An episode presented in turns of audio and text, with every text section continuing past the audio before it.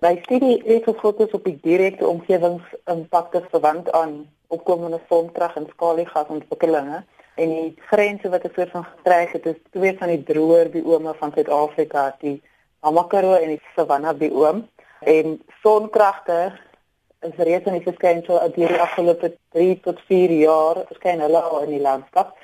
En die area stem tot 'n mate ooreen met waar skaliegas eksplorasie regte aansoek gedoen is. En wat is die hoofbevindinge van jou studie? Vir sonkrag spesifiek het ek gevind dat die impak op voëllewe en habitatfragmentasie en transformasie die mees prominente bekommernisse is. Verder het my data ook gedui dat die mees beduidende impakte verwag kan word van die konstruksiefase van 'n sonkragprojek en dit verteenwoordig dan omtrent 10% van die projekleeftyd. Verder is die gebruik van opgedateerde en verteenwoordigende ruimtelike dataskelle baie belangrik om te verhoed dat vroeë impakte plaasvind wat gepaard gaan met die verkeerde ligging van 'n projek. En dan vir skaliegasontwikkeling wat nou in die opkom is in Suid-Afrika en ons nog geen ervaring van het nie, is die risiko verbonde aan die moontlike kwaliteit en kwantiteit impakte op waterhulpbronne in 'n omgewing waar water reeds skaars is, 'n baie groot bekommernis. En Ek het ook gevind dat wydverspreide habitat transformasie kommerwekkend is, veral in die Karoo omgewing waar die biodiversiteit daar as redelik eil en afwesig. En dan laastens, een van die hoofbevindinge vir skaliegas is dat die produksiefase van skaliegas wat die langste fase is en omtrent 20% van 'n projek se lewensduur verteenwoordig, verwag word om die mees beduidende impakte mee te bring.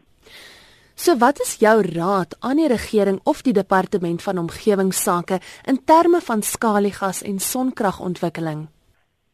Ek wil sê strategiese beplanning en versameling van monitering data is baie belangrik om seker te maak dat toekomstige ontwikkelinge so geplaas en ontwerp raak om verdere impakte te vermy. Natuurlike hulpbronne soos byvoorbeeld gebruik van water vir beide sonkrag en skaliegas behoorlik voorbeplan word en dan natuurlik dat die omgewingsimpaksisseringsproses wat reeds bestaande is, soveel as moontlik gekoördineer word tussen verskillende rolspelers dat lesse of inligting van impakte nie verlore sal raak vir verskillende projekfases of verskillende rolspelers nie.